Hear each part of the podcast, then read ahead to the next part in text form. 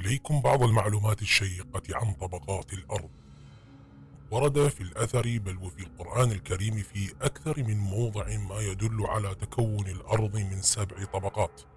وذلك في لفظ الأراضين السبع في القرآن. وورد في الأثر كذلك نقلا عن بعض روايات من الكتب الدينية السماوية الأخرى أن هناك سبع أراضٍ. لكن لطالما أحدث ذلك الاعتقاد تشتتا وخلطا للأمور عند جميع المفكرين والفلاسفة والمتمنطقين الذين كذبوا الروايات وأخذوا يشككون في آيات رب الأرض والسماوات لا سيما بعد قرار علماء الجيولوجيا منذ سنوات طوال بأن الأرض ما هي إلا طبقات ثلاث وحصروها في قشرتها الخارجية وطبقتها الداخلية ومن ثم مركز الأرض المسمى بالنواة.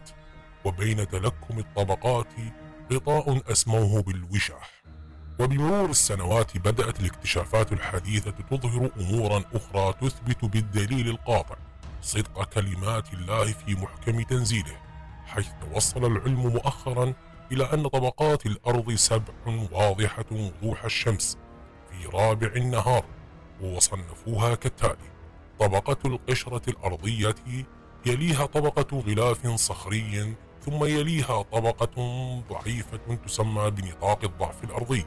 يلي ذلك في المرتبة الرابعة ذلك الوشاح الأعلى. ومن بعده وشاح سفلي أدنى. وختاما وجدت النواة بطبقتين إحداهما سائل خارجي والأخرى هي تلك النواة الداخلية الصلبة وهي مركز الأرض. فتلك سبع كاملة.